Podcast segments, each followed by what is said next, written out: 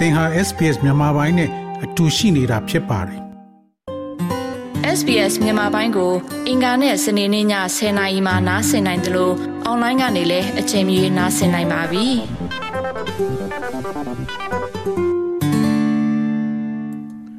တော်ရရှိမြခင်ဗျာတော်ရရှိမြယနေ့တင်ဆက်ပေးမှာကတော့ Australia စစ်ပွဲများကအဘယ်နည်းအဘဲကြောင့်သမိုင်းကအသိမှတ်မပြုသလဲဆိုတဲ့ဆောင်းပါးပဲဖြစ်ပါတယ်။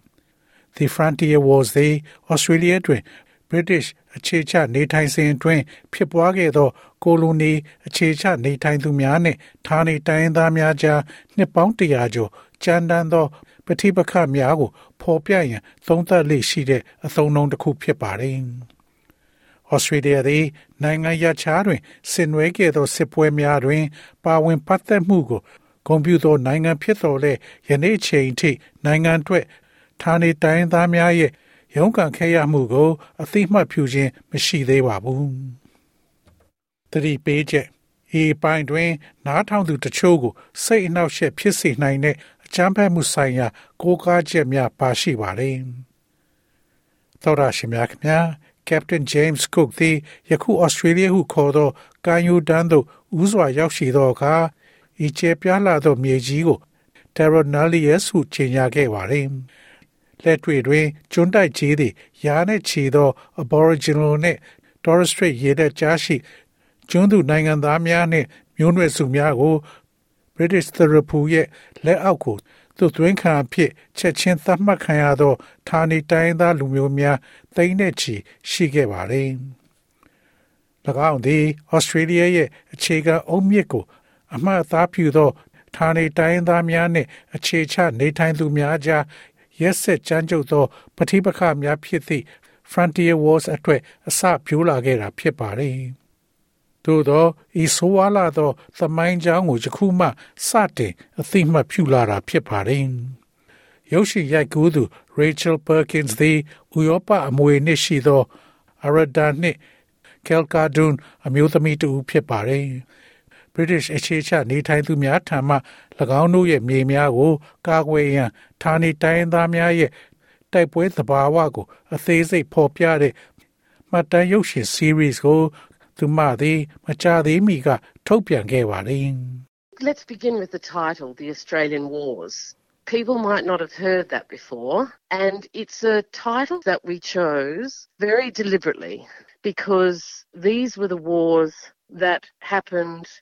between initially the British Empire when it claimed the continent and then occupied it. The Australian Wars ခေါင်းစဉ်ဖြင့်စကြပါစို့လူတွေကအဲ့ဒါကိုအရင်ကမကြားဘူးကြဘူးအဲ့ဒါကကျမတို့ကတမင်ရည်ရွယ်ရွေးတဲ့ခေါင်းစဉ်ပါဘာကြောင့်လဲဆိုတော့ဤစစ်ပွဲများသည့်အစပိုင်းမှာ British Empire နောက်ပိုင်းသိမ်းပိုက်ပြီးသိမ်းပိုက်ခြင်းခံရတဲ့အခါမှာ Australia Commonwealth အစိုးရကိုတည်ထောင်ခဲ့တဲ့ခေတ်ပြိုင် Australia ကိုလိုနီအစိုးရတွေကနေပြည်စည်းသွားတာပါ။ Australia စစ်ပွဲများသည်1988ခုနှစ်တွင်ပထမဆုံး British ရေတပ်ရောက်ရှိချိန်မှ1390ခုနှစ်များအလယ်ပိုင်းအထိတိုက်ကြီးတတိုက်လုံးတွင် ဖြစ်ပွားခဲ့တဲ့စစ်ပွဲတွေဖြစ်ပါတယ်။သို့သောပဋိပက္ခများကို ကျောင်းတွင်သင်ကြားခြင်းသို့မဟုတ်စစ်ပွဲဖြစ်20ရာစုနောက်ပိုင်းအထိအသိမှတ်ပြုခြင်းမပြုခဲ့ကြပါဘူး။ Professor Henry Reynolds Australia ရဲ့အလေးစားဆုံးသမိုင်းဆရာများထဲမှတဦးဖြစ်ပြီးစစ်ပွဲတွေနဲ့ပတ်သက်ရင်ကျွမ်းကျင်သူတဦးဖြစ်ပါတယ်။1966ခုနှစ်တွင်သမိုင်းပညာကိုစတင်သင်ကြားခဲ့စဉ်ကသမိုင်းစာအုပ်များတွင် Aboriginal လူမျိုးအကြောင်းကို ဖော်ပြခြင်းမရှိခဲ့ပါဘူး။ only mentioned the Aborigines twice merely in passing, and there wasn't even an entry in the index. Only fairly recently there has been a general acceptance that the conflict actually was warfare. It wasn't warfare like Aboriginal ရင်းမြစ်များကိုဖျက်ဆီးရာတွင်နှစ်ချိန်များသာဖော်ပြခဲ့ပြီးစာအုပ်ရဲ့အညွှန်းတွင်ထည့်သွင်းမှုပင်မရှိခဲ့ပါဘူး။ မကြသေးမီကသာလျှင်ပဋိပက္ခသည်အမှန်တကယ်စစ်ပွဲဖြစ်ကြောင်းယေဘူယလက်ခံမှုတစ်ခုရှိခဲ့ပါတယ်ခေတ်သစ်ကဘာမှာလူတွေနားလည်ထားသလိုမျိုးစစ်တိုက်တာမဟုတ်ပါဘူး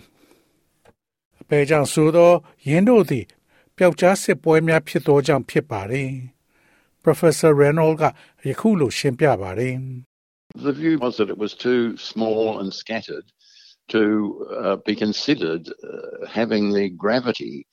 of warfare. There were no uniforms, no, no marching soldiers. It never really was a case of large formations and battles in the classical စစ်ပွဲဟု sense. စွမ်းငင်ခြင်းဟု But ယူ nonetheless, ဆနိုင်လောက်အောင် it clearly တင်းငယ်လုံး was၍ a form ကွဲ of ပြားသော warfare. မြင်ကွင်းဖြစ်ပါတယ်ယူနီဖောင်းလည်းမရှိဘူးခြိတက်နေတဲ့စစ်သားတွေလည်းမပါပါဘူး ရှေးရိုးသဘောအရကြီးမားသော ဖွဲ့စည်းမှုများနှင့်တိုက်ပွဲများဖြစ်ပွားတဲ့ကိစ္စဘယ်တော့မှဖြစ်မလာပါဘူးမိတို့ပင်ဆိုစေကားမူ၎င်းသည်စစ်ပွဲပုံစံတစ်ခုဖြစ်တာကတော့ထင်ရှားပါတယ် Australian Frontier Wars မှသမိုင်းပညာရှင် Dr. Nicholas Clements ကသဘောတူပါတယ် They knew it as a war then. All the colonial documents refer to it as warfare. But in the 20th and 21st century, we have lost sight of that. And I think there are also some underlying အဲ့ဒီ political တုန်းကစစ် reasons ပွဲလို့ why ညီ many ညွ people န်းတဲ့ can't ကိုလိုနီ identify ခေတ် it as စာရွက်စာတမ်းတွေအားလုံးကစစ်ပွဲလို့သိကြပေမဲ့20နဲ့21ရာစုမှာတော့အဲ့ဒါကိုကျွန်ုပ်တို့မျက်ခြေပြတ်သွားပါတယ်ပြီးတော့လူအတော်များများကအဲ့ဒါကိုစစ်ပွဲလို့မသတ်မှတ်နိုင်တဲ့အရင်ခံနိုင်ငံရေးအကြောင်းပြချက်တွေလည်းရှိမယ်လို့ထင်ပါတယ် Rachel Perkins ကရှင်းပြသည့်အတိုင်း ထိုနိုင်ငံရေးအကြောင်းပြချက်များသည် Terror Nullius နှင့် British Law တို့ရဲ့အယူအဆစီသို့ပြန်သွားပါတယ် There's a contradiction at the heart of these wars that began with the way the British described their occupation. They announced that the Aboriginal people had become British citizens. And so they could never officially declare war because to do so would mean that they were declaring war on their own citizens. British တို့ However, တိတ်ပိုက်ထားပုံ the နဲ့ British စတင်ခဲ့သော used ဒီစစ်ပွဲများရဲ့ military force အလဲပဟိုမှာ to ကွဲလဲမှု ensure တစ်ခု that their ရှိပါတယ် occupation of the continent Aboriginal was လူမျိုးများ successful. သည် Britain နိုင်ငံသားဖြစ်သွားပြီဟုကြေညာခဲ့တာဖြစ်ပါတယ်ထို့ကြောင့်၎င်းတို့သည်တရားဝင်စစ်ကြေညာခြင်းမပြုနိုင်ခဲ့ပါဘူး အကြောင်းမှာထို့သို့လှုံ့ဆော်ခြင်းသည်၎င်းတို့ရဲ့နိုင်ငံသားများကိုစစ်ကြေညာခြင်းဖြစ်တယ်လို့ဆိုလိုခြင်းကြောင့်ဖြစ်ပါတယ်သို့တော်လည်း British တို့သည်ဒီတိုက်ကြီးအား၎င်းတို့သိမ်းပိုက်မှုအောင်မြင်ကြောင်းသေချာစေရန်စစ်အင်အားကိုအသုံးပြုခဲ့ကြပါတယ် Terra Nullius သည်တရားဝင်စိန်ခေါ်ပြီး1990ပြည်လို့နှစ်များစောပိုင်းတွင် အထင်ကရမာဘူဆုံးဖြတ်ချက်ဟုလူသိများသော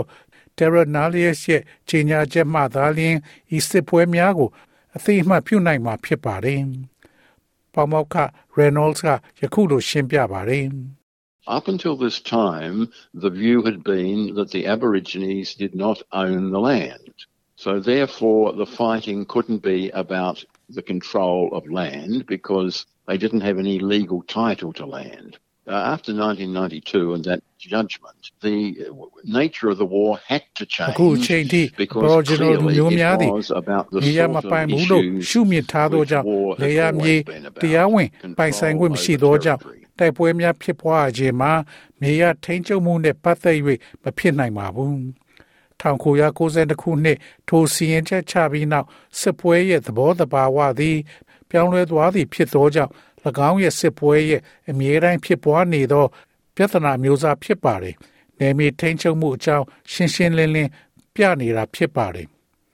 Australia တွင်ဌာနေတိုင်းသားများရဲ့မြေယာပိုင်ဆိုင်မှုကိုအသိမှတ်မပြုခြင်းသည် British Empire ရဲ့ပြက်ကွက်မှုမှာသမိုင်းဆိုင်ရာကွဲလွဲချက်ဖြစ်တယ်လို့ Dr. Clements ကပြောဆိုပါတယ်။ At the very heart of the British colonisation of Australia was a flawed premise. Unlike all the other countries the British colonised, they did not acknowledge the sovereignty of the Indigenous owners here in Australia. Because of that, there were no treaties. There was no attempt to negotiate with the local Australia ရဲ့ peoples. British And colony to ပြု this ခြင်းရဲ့ day, အ we ရင်ခံတွင် struggle from a ချိုး legal ရင်းချက်ရှိသော standpoint အကြောင်းပြချက်တစ်ခုရှိပါတယ်။ British colony ပြုထားသောတခြားနိုင်ငံများနဲ့မတူဘဲ Australia ရှိ ဌာနေတိုင်းသားပိုင်ရှင်များရဲ့အချုပ်အခြာအာဏာကို အသိမှတ်မပြုတာဖြစ်ပါတယ်။အဘဲကြောင့်ဆိုသောသဘောတူစာချုပ်မရှိသောကြောင့်ဒေသခံပြည်သူများနဲ့ညှိနှိုင်းရန်ကြိုးပမ်းမှုမရှိခဲ့ပါဘူး။မြေယာအတွက်သူတို့ရဲ့ရပိုင်ခွင့်တွေကို နားလည်ဖို့ဥပဒေရှုထောင့်ကနေဒီနေ့အထိရုန်းကန်နေရဆဲဖြစ်ပါတယ်။စေစညှိနှိုင်းရန်ပြက်ကွက်မှုကြောင့်ရက်ဆက်စွာသွေးထွက်တန်ယုံများဖြစ်စေခဲ့ပါတယ်။ ကိုလိုနီခေတ်မှတ်တမ်းများနဲ့ကျွမ်းကျင်သူအဖွဲ့များကရှာဖွေတွေးရှိခဲ့တဲ့ရှေးဟောင်းသူသေသနဆိုင်ရာ အထောက်ထားများသည့်ပဋိပက္ခရဲ့ကြောက်မဲ့ဖွယ်ရာကောင်းသော အတိုင်းအတာများကို ပြသထားပါတယ်။ Australia အမျိုးသားပြားတိုက်တစ်ခုတည်းတွင် Aboriginal များရဲ့ဘိုးဘွင်များအတွင်းချံလေယာကျော်ကို၎င်းတို့ရဲ့သိုလောင်ခန်းတွင်ထားရှိထားပါတယ်။ ကွန်မြက်ချင်းခေါင်းဖြတ်ခြင်းနှင့်အစုအပြုံလိုက်တပ်ဖြတ်မှုကြောင့်သေဆုံးခြင်းဆိုင်ရာအထောက်အထားများစွာအဲ့ဒီမှာရှိပါတယ်။ Rachel Perkins ကအသက်ရှင်ကျန်ရည်နေသူတွေရဲ့သားစဉ်မြေးဆက်တွေကိုအမြဲအမှတ်ရနေမယ်လို့ဆိုပါတယ်။ A lot of Aboriginal people have been the vessels for carrying this history. Aboriginal people have handed down the stories of what happened to them to us in our families. So I grew up knowing about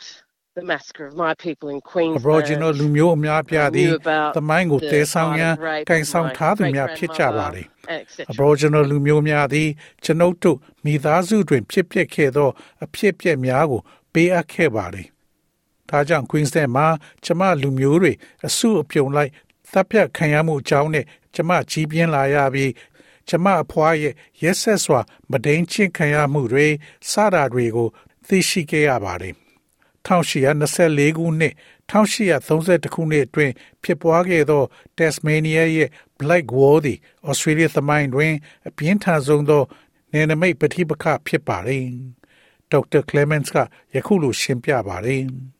The Black War, as it's become known, was the most constricted geographically and, and temporally in anywhere in Australia. Black War သည် Australia တွင်မြည်သည့်နေရာ၌မဆိုပထီဝေအနေထားအရယာယီအားဖြင့်ခြုံထားဆဲဖြစ်ပါတယ်။ Australian War Series တွင် Black Wars သည် Korea, Malaysia, Indonesia, Vietnam နှင့် Peacekeeping Mission များအတွင်ကြာဆုံးသူများပေါင်းစပ်ထားတဲ့အရေးအတွက်ထက် Tasmania မှာ သေဆုံးသူကပိုများခဲ့ကြောင်း Rachel Perkins ကပြောဆိုပါတယ်။ Dr. Nicholas Clements ကကိုလိုနီအာနာပိုင်တွေနဲ့အခြေချနေထိုင်သူတွေက Aboriginal လူမျိုးတွေကိုအစပိုင်းကကြောင်းလန့်တကြားဖြစ်ခဲ့တယ်လို့ဆိုပါတယ်။ Aboriginal resistance was striking. Everybody knew somebody in the colonial world who, who had been killed or wounded by Aboriginal people, who'd had their farms burnt down. It was absolutely terrifying. ဒါကြောင့် Aboriginal resistance ကတိတိသားသားကြီးပါပဲ။ကိုလိုနီခေတ်က Aboriginal လူမျိုးတွေကလယ်မြေတွေကိုမီးရှို့ဖျက်ဆီးတာအသက်ခံရတာဒါမှမဟုတ်ဒဏ်ရာတရရခဲ့တာကိုလိုနီခေတ်ကလူတိုင်းတို့သိကြပါတယ်လုံးဝကြောက်စရာကောင်းပါတယ်တကယ်တော့လေးနဲ့တဲ့လူတွေကကိုလိုနီကိုဆွန့်လွတ်ဖို့တော့တွေးခဲ့ကြပါတယ်နောက်ဆုံးမှာတော့ဥရောပသားတွေအောင်နိုင်ခဲ့ပါတယ် သူတို့သည်ဒေသခံတက်စမေးနီးယားများကိုလူမျိုးတုံးလူနေပါသုတ်တင်ခဲ့ပါတယ် It's only by a hair's breadth that we even have Aboriginal descendants in Tasmania today because they were almost completely wiped ချမ်း out. ဖက်မှုများကြောင့် largely လုံလုံ by လျားလျားနေပါ violence. Tasmanian Aboriginal လူမျိုးတွေသုတ်သင်ခံရသောကြောင့်ယနေ့ကျွန်ုပ်တို့ Tasmania မှာ Aboriginal မျိုးနွယ်များရှိနေတာကအလွန်အံ့ဖွယ်ကောင်းပါတယ် ပြီးတော့ဒီအချမ်းဖက်မှုတွေက လိမ်ပိုင်းဆိုင်ရာအချမ်းဖက်မှုတွေအများကြီးဖြစ်ပါတယ်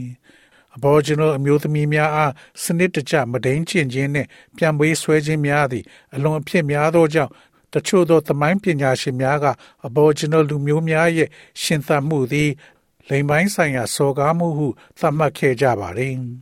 The trigger for the violence, the match that lit the spark, was sexual violence. And that all this, that story begins with the gender imbalance in colonial society. So in Tasmania, for instance, there were 10 or 12 men for every woman. However, out on the frontier were these exotic, naked Aboriginal အချမ်းဖက်မှုရဲ့ women အစ who ပြုံး they'd မှု been မိဘွား taught များ to သည် regard လိမ်ပိုင်း as ဆိုင်ရာ scarcely အ human ချမ်းဖက် and မှု certainly ဖြစ်ပြီး people that they didn't need ဒီလို to ဖြစ်ခြင်း respect. သည်ကိုလိုနီခေတ်လူအဖွဲ့အစည်းများတွင် လိမ်မညီမျှမှုကအစပြုပါတယ် ဥပမာအားဖြင့်တက်စမေးနီးယားမှာအမျိုးသမီးတစ်ယောက်တိုင်းအတွက်ယောက်ျား10ယောက်သို့မဟုတ်12ယောက်ရှိပါတယ်သို့တော်လည်းဤနယ်သစ်ဒေသတွေမှာ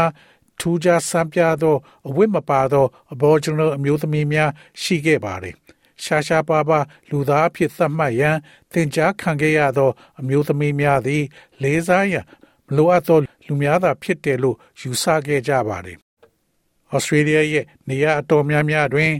Aboriginal များရဲ့ခုခံမှုကိုချိန်မုံရန်အတွက်ကိုလိုနီပြုသူများကအကြမ်းဖက်ရန်လှုံ့ဆော်ရာတွင် အသုံးပြုသည့်လေ့ကျင့်ထားသောအရန်တပ်ဖွဲ့ခေါ် Native Police ကိုဖန်တီးခဲ့ပါတယ်။ပါမောက္ခ Reynolds ကယခုလိုရှင်းပြပါတယ်။ You recruited uh, native soldiers and you used them as basically a military force. And this was undoubtedly the major force in breaking down Aboriginal သူ resistance. တို့က and the တိုင်း native သား police စစ်သား were တွေကို used စု for ဆောင်း 50 ပြီး years သူတို့ as ကို settlement စစ်အင် units အားအဖြစ် across သုံးကြ this ပါတယ် vast colony. ။ဤဒီမှာ Aboriginal တို့ရဲ့ခုခံမှုကိုဖြိုခွဲရာတွင်အဓိကတွန်းအားဖြစ်တာကသေကြပါတယ်။ ဤကျေပြန့်သောကိုလိုနီကိုဖျက်၍အခြေချနေထိုင်မှုအဖြစ်နှစ်90ကြာရဲများကို အသုံးပြုခဲ့ကြပါတယ်။ကိုလိုနီအမျိုးသားများကိုယူနီဖောင်းသနတ်များနှင့်မြင်းများပေးအပ်ခဲ့ပါတယ်။၎င်းတို့သည် Aborigines တို့ရဲ့ဒွေရဒလိထုံတန်းဗဟုသုတနှင့် bush ထဲတွင်ကျွမ်းကျင်မှုများအတွက် Aboriginal တို့ကို အဖြူအရရှိများကအသုံးချခဲ့တယ်လို့ Dr. Clements ကယုံကြည်ပါတယ်။ The toll taken by the native police in Queensland alone was in the tens of thousands. Estimates go as high as 60 to 80,000, I believe, which is absolutely staggering. And Queensland ရှိ casts a- ဒေ a သခံ moral ရဲများက cloud ဖမ်းဆီး over the- ခေါ်ဆောင် this သွားတဲ့ whole nasty Aboriginal business. အရေးအတွက်မှာတောင်းတဲ့ချီရှိပါတယ်။ခမန်းကြီးအားဖြင့်360မှ380အထိဖြစ်ပါတယ်။လုံးဝတုံလုံးခြောက်ခြားပွဲကောင်းတယ်လို့ကျွန်ုပ်ယုံကြည်ပါတယ်။၎ င်းသည်မကောင်းသောစီးပွားရေးလုပ်ငန်းတစ်ခုအပေါ်ဇာရိတမန်တိုင်ကဖုံးလွှားသွားစေပါတယ်။ဤသမိုင်းကြောင်းအားလုံးသည် Australian Wars မှတ်တမ်း series ကိုဖန်တီးစဉ် Rachel Perkins ရင်ဆိုင်ခဲ့ရတဲ့အရာတွေဖြစ်ပါတယ်။ I found a recording that had been made by my grandmother talking about her mother's family being massacred that I'd never heard before. And I'd never been ဖွားက to the place စုအပြုံ where လိုက် it happened. And သ I တ်ခံရ never တဲ့ really သူ့ found အမေ out ရဲ့ where it မိ happened သားစုအ until ကြောင်း I made the ပြောနေတဲ့ documentary series. မှတ်တမ်းတင်ထားတာတွေကို တွေ့ဘူးပါတယ်တခါမှမကြားဘူးသလိုဖြစ်နေတဲ့နေရာကို မရောက်ဘူးပါဘူးပြီးတော့မှတ်တမ်းရုပ်ရှင် series မထုတ်ခင်အထိဘယ်နေရာမှာဖြစ်ပျက်ခဲ့တာကို ကျွန်မတကယ်မသိခဲ့ပါဘူး ရခိုင်အခြေချနေထိုင်သူများဖြစ်ခဲ့ကြသောဒေါက်တာကလမန့်စ်သည်ဩစတြေးလျနိုင်ငံသားအားလုံးသည်အရှက်ကွဲခြင်းခံစားချက်များကိုကြော်လွှားပြီးအတိတ်ကမတရားမှုများကိုမိမောင်းထိုးပြရန်လိုအပ်တယ်လို့ယုံကြည်ပါတယ် whether someone's ancestors were involved or not, we are all the inheritors of Aboriginal land, which was stolen land. At a minimum, we all have a role to play in unveiling this တ history, စုံတစ် coming ယောက် to ရဲ့ terms with this ဘိုးပင် history, များ and နှင့် playing a မ role in ပတ် a သက်သည့် positive ဖြစ် future. စေကျွန်ုပ်တို့အားလုံးသည်ခိုးယူခံခဲ့ရသော Aboriginal နယ်မြေရဲ့အမွေခံများဖြစ်ပါတယ်အ ਨੇ ဆုံးအားဖြင့်ကျွန်ုပ်တို့အားလုံးသည်ဤသမိုင်းကို ထုတ်ဖော်ပြသရန်ဤသမိုင်းနှင့်ကိုက်ညီပြီးအပြုသဘောဆောင်သော အနာဂတ်တွင် ပါဝင်သရုပ်ဆောင်ရန်အခမ်းကဏ္ဍမှပါဝင်ပါတယ် The Australian Wars သ ည် SBS on demand မှာဘာသာစကား၅မျိုးဖြင့်ကြည့်ရှုနိုင်ပါတယ်။အဲ့ဒါက Simplified Chinese, Arabic, Traditional Chinese, Vietnamese နဲ့ Korean ဖြစ်ပါတယ်။ဒါကိုနားလည်ခြင်းဖြင့် Australia နိုင်ငံသားများကိုဤအရေးကြီးသောအကြောင်းအရာတွင်ပုံမပါဝင်စေနိုင်မှာဖြစ်ပါတယ်။ series ကိုအသံဖော်ပြချက်ဖြင့်လည်းရရှိနိုင်ပါတယ်။ ဒါကမျက်မြင်မြင်သို့မဟုတ်အမြင်အာရုံချိုးတဲ့တဲ့ပရိသတ်များအတွက်ဖြစ်ပါတယ်။သောရရှိမြခင်များ SPS သတင်းဌာနက Claudiana Blanco ရဲ့ဆောင်းပါးကိုဘာသာပြန်တင်ဆက်ပေးထားတာဖြစ်ပါတယ်ခင်ဗျာ။ sbs.com.au/bemis ကို home နေရာမှာထားပြီးတော့အမြဲတမ်းနှာစင်နိုင်ပါတယ်။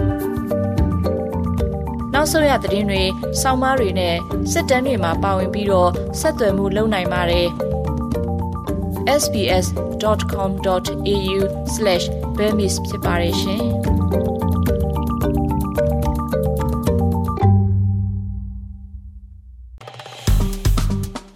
SPS မြန်မာပိုင်းကို Facebook ပေါ်မှာ like ရှာပြီး like မျှဝေမှတ်ချက်ပေးပါ